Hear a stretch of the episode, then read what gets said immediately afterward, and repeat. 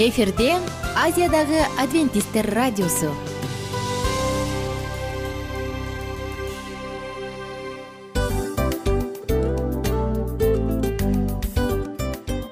Достор салют. Баардык сүйүктүү угармандарыбызга салам айтабыз. Кутман күнүңүздөр менен. Ден соолук өмүрдүн булагы демекчи саламат саамы программасында баарыңыздарды көргөнүбүзгө абдан кубанычтабыз. Анда алгач амандашып өтөлү арбаңыздар деп. Ден соолугуңуздар кандай элибизде көбүнчө ден соолук кандай дегенде эле жакшы деп жооп беребиз э? ооруп турсак дагы жакшы дейбиз. Анан мен муну айтып ойлойт элем бул абдан сонун сөз депчи анткени бул жакшы деген үмүт да э ооба. баары жакшы болот баары сонун. Деп үмүттөнүп атып эле өзүбүздү өзүбүз дарылап коебуз. Анысы кандай сиздин дагы ден соолугуңуз жакшы беш деген үмүттөбүз чындыгында ден соолук бул өмүрдүн булагы деп бекеринен айтылган эмес деп ойлойм. Кыргыз элинде анткени эгерде ден соолук жок болсо анда адамдын жашоосунда калган баардык керектүү маңыздуу нерселер өзүнүн баалуулугун жоготуп коет. Ошондуктан ден соолук бул эң керектүү нерсе. Ооба туура айтасың кесиптешим. Чынында ден соолугуң жок бир эки үч күн ооруп калсаң эле э кандай болуп калат? Жашоодо көз каранды болуп каласың көп нерсеге жетишпей каласың көп нерсени кыла албай каласың жада калса эшикке дүкөнгө да чыга албай каласың. Туптуура анан ден соолук болсо демек биз биздин бактыбыз тоодой деп койсок болот. Анда достор саламат саамы рубрикабызды баштайлы. Алдыда өзүңүзгө керектүү болгон сонун кеңештерди уга аласыздар. Мына ошондуктан биз менен бирге болуңуздар. Ал эми биз болсо милан жана айнура. Кеттик алга. Алга саламат саама ден соолуктун жарчысы. Саламат саама ден соолуктун ачкычы. Күн сайын сиз үчүн мыкты кеңештер сонун жаңылыктар кызыктуу фактылар биздин рубрикада.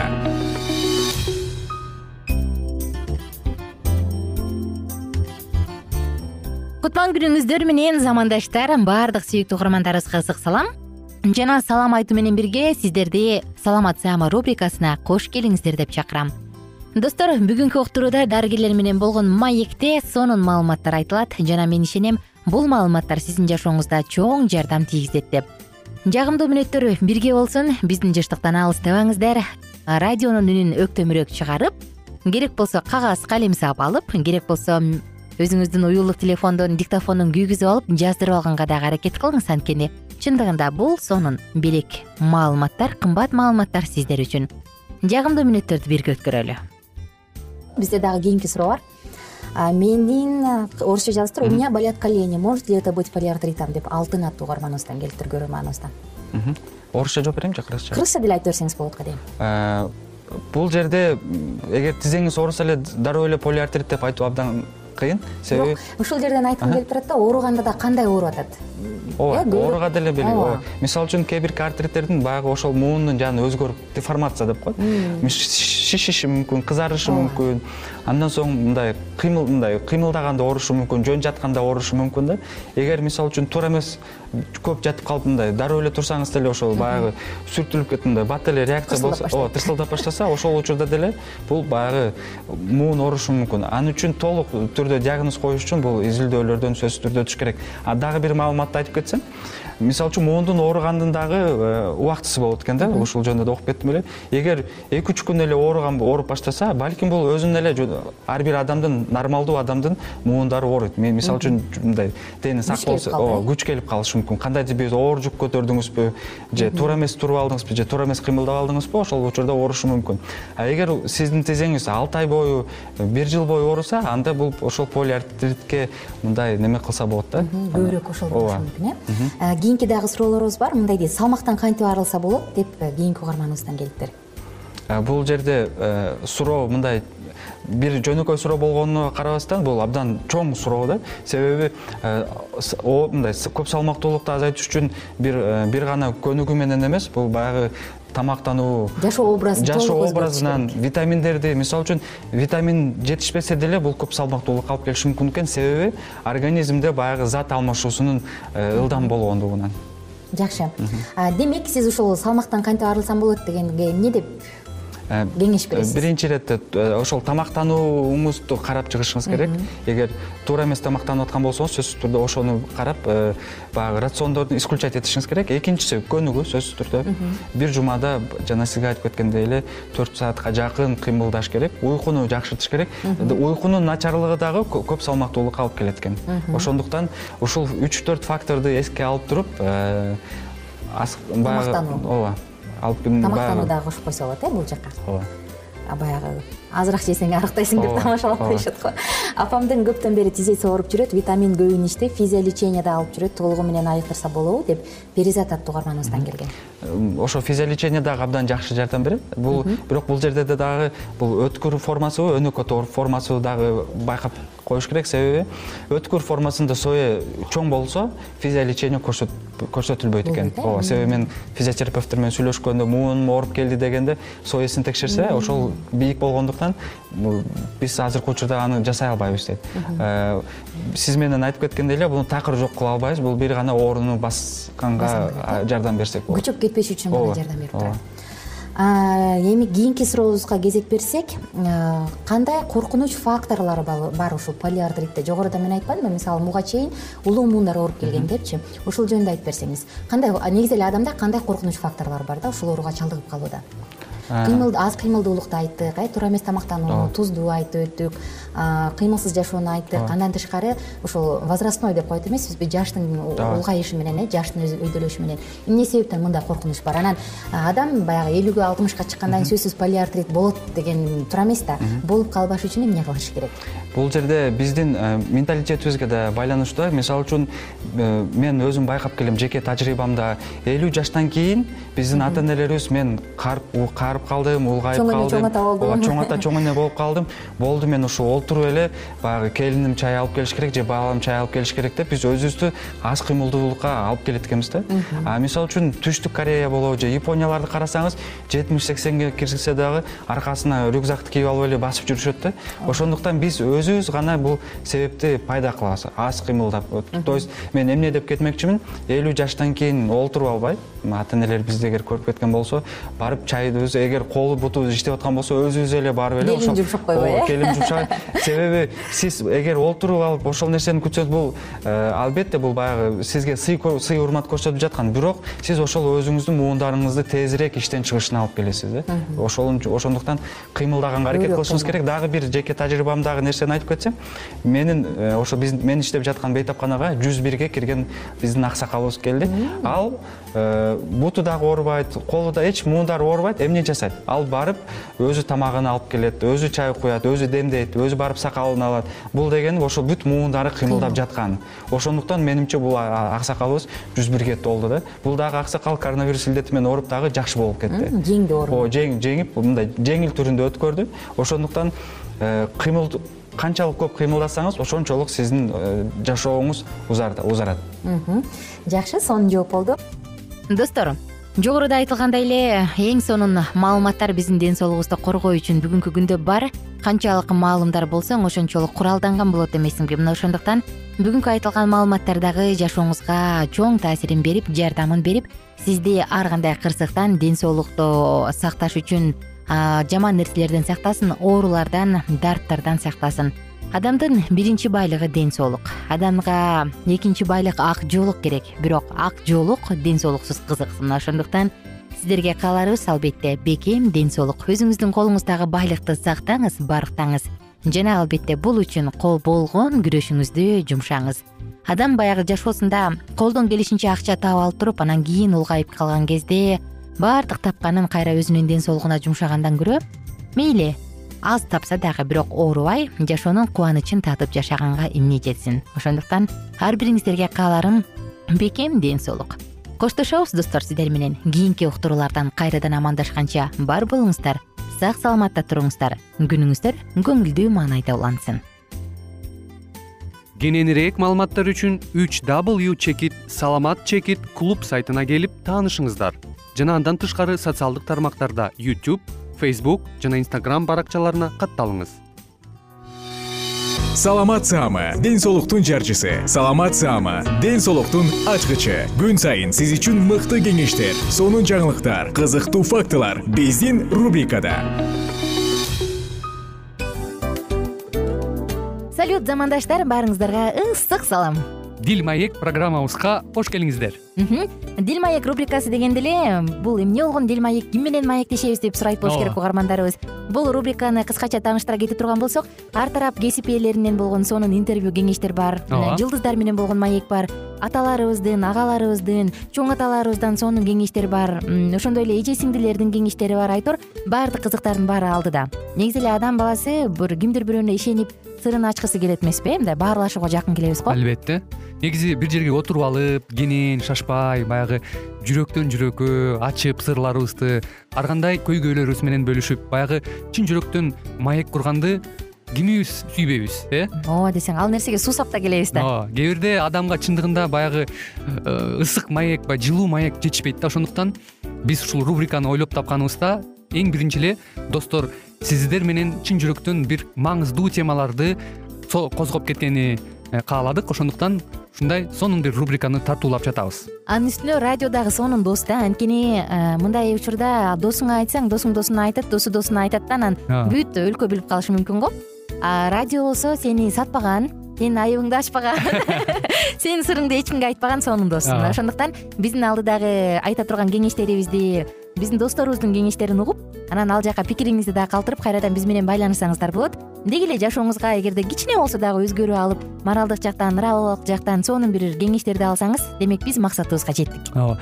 Чыңгыз атабыз улуу жазуучу э, чыңгыз айтматов айткандай адам болуу бул күнүмдүк процесс экен. Күн сайын адам бойдон калуу бул адамзатка эң эле дейт э? э эң кыйын дейт. Чындыгында бунун э, негизинде адамдын эң баягы сапаттуулугу адамдын э, адамгерчилиги жана көптөгөн керектүү нерселер мына ошол темалар дагы бизде э, ушул дил маекте биз аларды да козгойбуз. Э, ден соолук жөнүндө да сүйлөшөбүз. Сөзсүз түрдө. Анан милан мырза негизи айтып коюшат го? Биз көбүнчө эмнени ойлонсок ошол нерсеге карата иш кылабыз го? Ооба. Анан анысы кандай? Балким бул радио баракчада кимдир бирөөнүн оюн текшергенге жардам берет кимдир бирөөнүн жүрөгүн текшергенге жардам берет. Балким кимдир бирөөгө жашоонун маңызын тапканга жардам берер. Айтор кызыктын баары алдыда бул жөн гана кыскача жарнама анда угармандарыбыздын баардыгын кийинки рубрикабызга чакырабыз. Ал эми кызматта маңдайымда отурган кесиптешим милан жана мен айнура. Анда эмесе биз даярдаган терең терең ойлор менен таанышууга кеттик. Алыс алыс баралык. Анда эмесе достор биз менен бирге болуңуздар. Алдыда эң кызыктуу маалыматтардын баардыгы бир нече мүнөттөр бою жалгыз гана сизге арналат. Мына ошондуктан жакшы маанай менен угууну каалайбыз. Үн алышканча. Жөнөдүк. Ар түрдүү ардактуу кесип ээлеринен алтын сөздөр жүрөк ачышкан сыр чачышкан сонун маек дил маек рубрикасында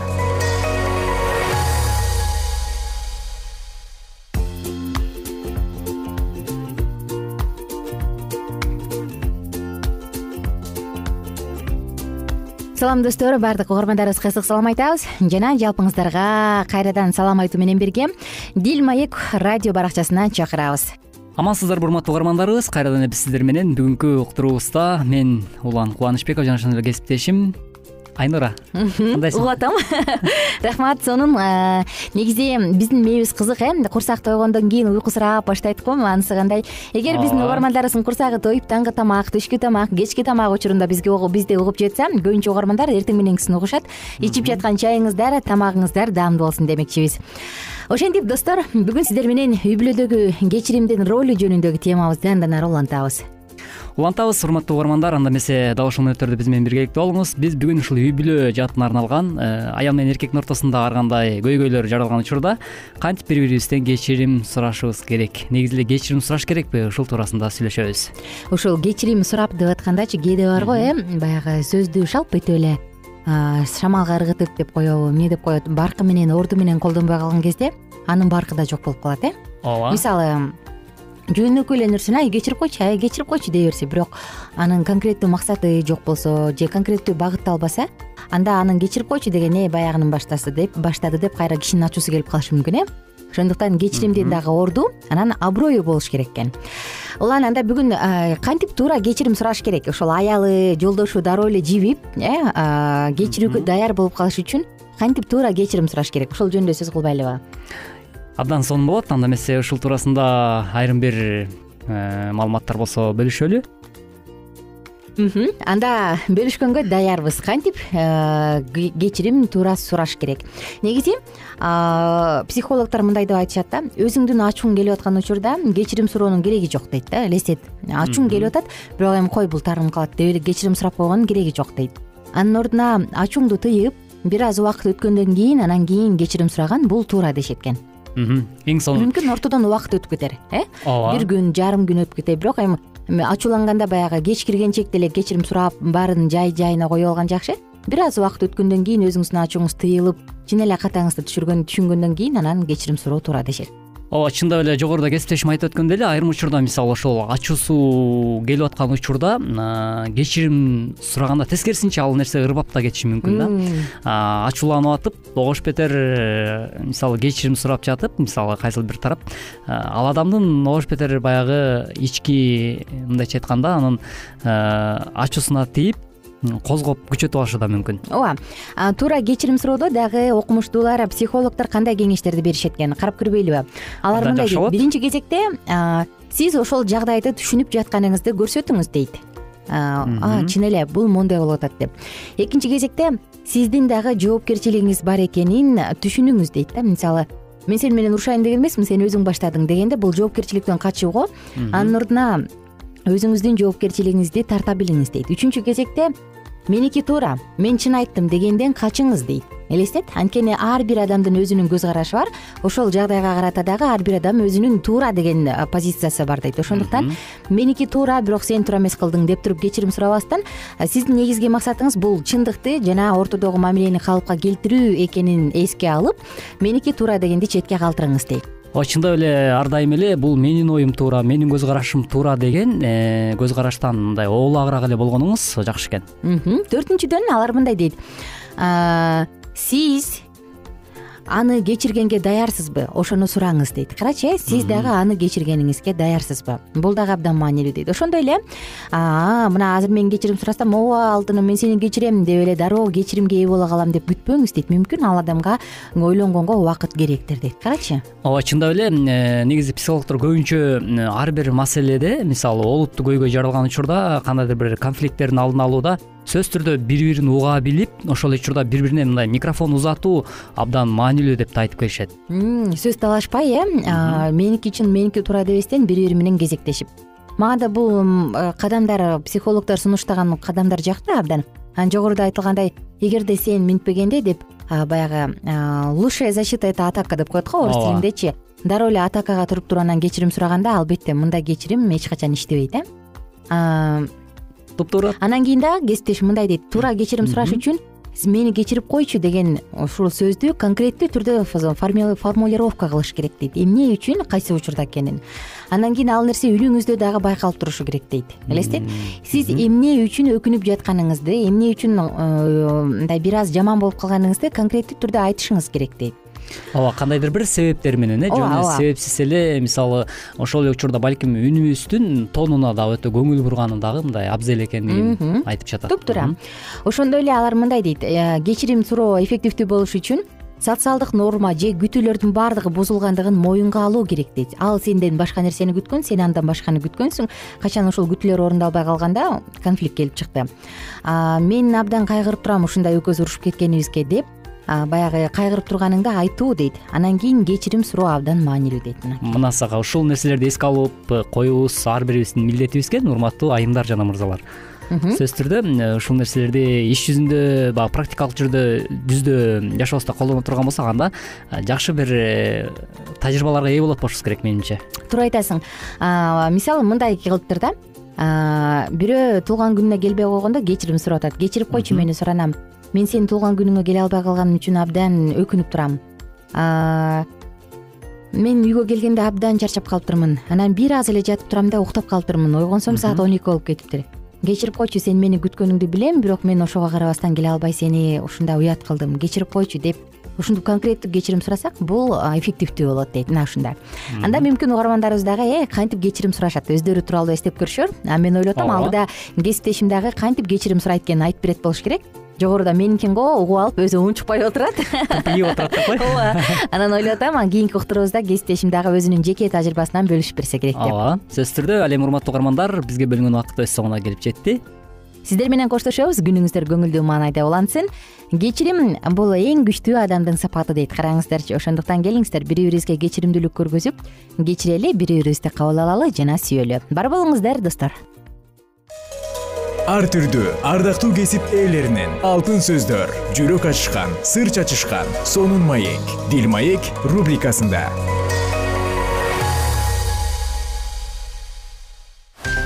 жан дүйнөңдү байыткан жүрөгүңдү азыктанткан жашооңо маңыз тартуулаган жан азык рубрикасы.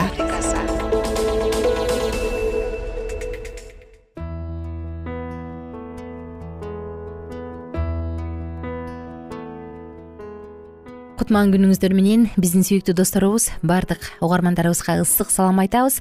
Жана сиздер менен бирге кайрадан жагымдуу саатыбызды баштадык. Достор бүгүн дагы жан азык радио баракчасында аян китебин окууну улантабыз. Жан дүйнөбүздү жарык кылган сонун сөздөр бүгүн дагы биздин жүрөгүбүздөн түнөк алып жан дүйнөбүздү байытып келечекке болгон үмүттү жандырсын деген гана тилегибиз бар. Достор анда бүгүн биз аян китебин изилдөөдө аян китебинен руханий күчтүү булагы деп аталган теманы баштайбыз. Аян китебиндеги руханий күчтүн булагы. Үмүттүн аяны бүгүнкү жолугушуубуздун темасын дагы бир жолу айтсам аян китебиндеги руханий күчтүн булагы.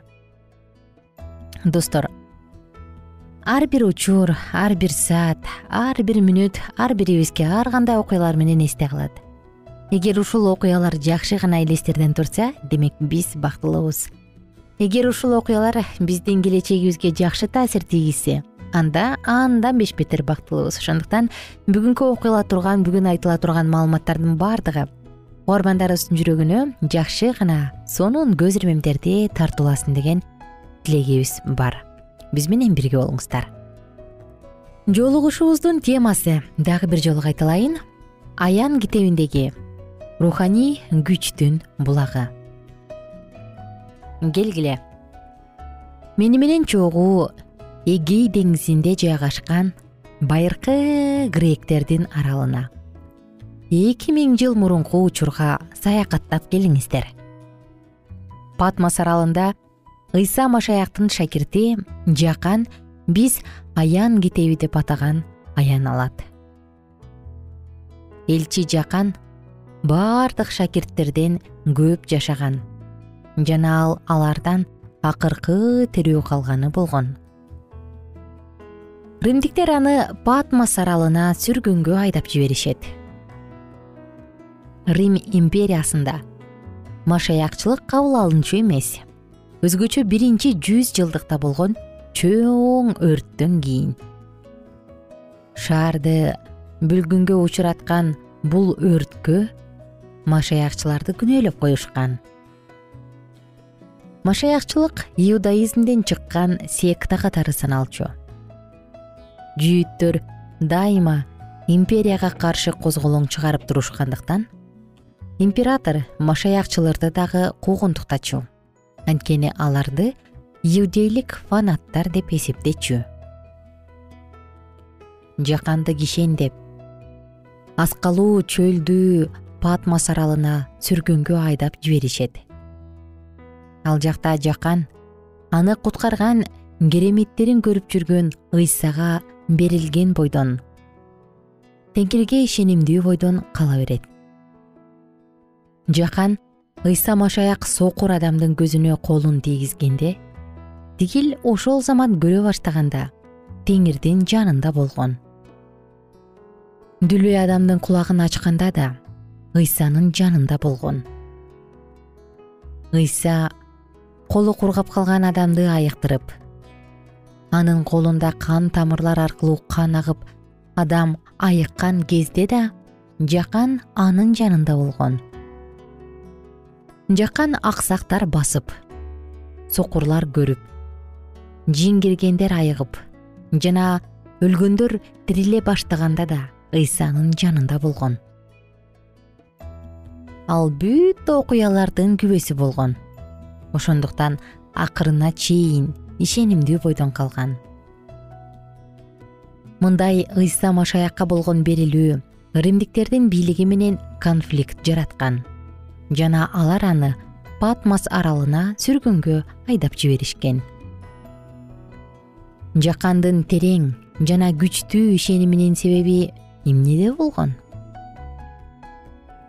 Эмне үчүн ал патмос аралына сүргүнгө кетүүгө даяр болгон эмне үчүн ал ыйсага өз жанын кыйганга да даяр болуп берилип кеткен? Эмне үчүн аны кыйнап жаткан майга кайнап аткан майга тирүүлөй салса да теңирден баш тартпайм деп буга даяр болгон? Анткени ал ыйсада жашырылган өзгөчө бир нерсеге ишенген. Эгерде жакан азыр ушул жолугушууда биз менен чогуу болгондо ал ишенимдүү түрдө биз менен бирге негизги принципибизди кайталамак. Эгер бул тууралуу библия айтса демек мен ал маалыматка ишенем. Эгер ал библияга дал келбесе анда мен үчүн эмес. Аян китеби биринчи бап тогузунчу аятта патмос аралында жаканга ыйсадан көрүнүш болгондугу айтылат. Ал мындай дейт. Ыйса машаяктын азап чегүүсүнө падышачылык кылуусуна жана чыдамкайлык көрсөтүүсүнө ортоктош болгон силердин бир тууганыңар. Мен жакан кудайдын сөзү үчүн жана ыйса машаяк жөнүндө күбөлөндүргөнүм үчүн патмос аралында болдум кымбаттуу досум биз кийинки уктуруубузда дал ушул кызыктуу окуяны андан ары улантабыз. Ага чейин кааларыбыз ден соолук оорубаңыз. Жана албетте бул бүгүнкү окулган бүгүнкү айтылган тема сиз үчүн ойлонуу үчүн жем болуп берсин. Жалпыңыздар менен коштошобуз. Сиздерди тирүү жаратканыбыз алкасын. Жаратканыбыз сиздерди колдосун. Баарыңыздар менен кийинки уктуруудан амандашканча сак саламатта туруңуздар. Сиздерди тирүү ыйса машаяк жалгасын жүрөгүңөрдөн тынчтык алсын. Бар болуңуздар.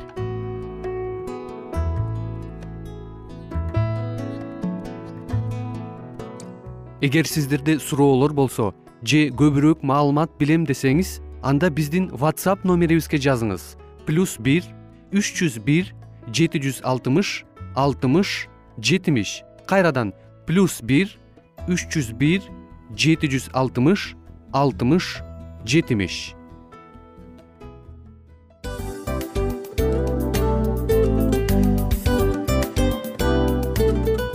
Ушул менен достор программабыздын уктуруубуздун эң кайгылуу мөөнөтүнө келип жеттик кайгылуу дегенде ыйлагым келип кетти кесиптеш. Кадимкидей. Анткени баягы учурашасың анан коштошуу учур келгенде ии кантип ии эми бат баттан келиптир э сагындырбай деп атып араң коштошобуз го? Анысы кандай угармандарыбыз менен коштошчу учур келди. Кийинки уктурууларды сагыныч менен жүрөгүбүздө кусалык менен күтөбүз жалпыңыздарды анан жарым сааттык уктуруу көз ачышым канча өтүп кетти. Сөзсүз. Бирок бизде жакшы кабар бар. Кийинки уктурууларыбызда сөзсүз дагы кезигишебиз анткени биз көптөгөн сюрприздерди кызыктуу маалыматтарды жана керектүү керектүү нерселердин көбүнчөсүн даярдадык. Андай угармандарыбыздын баардыгына ийгиликтүү күн каалайбыз эгерде бүгүнкү күнүңүз өзгөчө э, өтүшүн кааласаңыз анда позитивдүү ой жүгүртүп жылмайып жакындарыңызга жакшы маанай тартуулап жүрө бериңиз. Анткени сөзсүз түрдө мунун арты кайтат э? Сөзсүз. Баягы ден соолугуң оңолот ал бул деп көп нерсени санап келебиз. Эң негизгиси бул сиздин жашооңузду жаркын кыла түшөт экен жараткан кудай ар бирөөңүздөргө батасын берсин жашооңуз ийгиликтүү болсун сак саламатта калыңыздар деп мен милан жана кесиптешим айнура. Баардыгыңыздар менен кийинки уктурууда үн алышканча. Баарыңыздарга ийгилик каалайбыз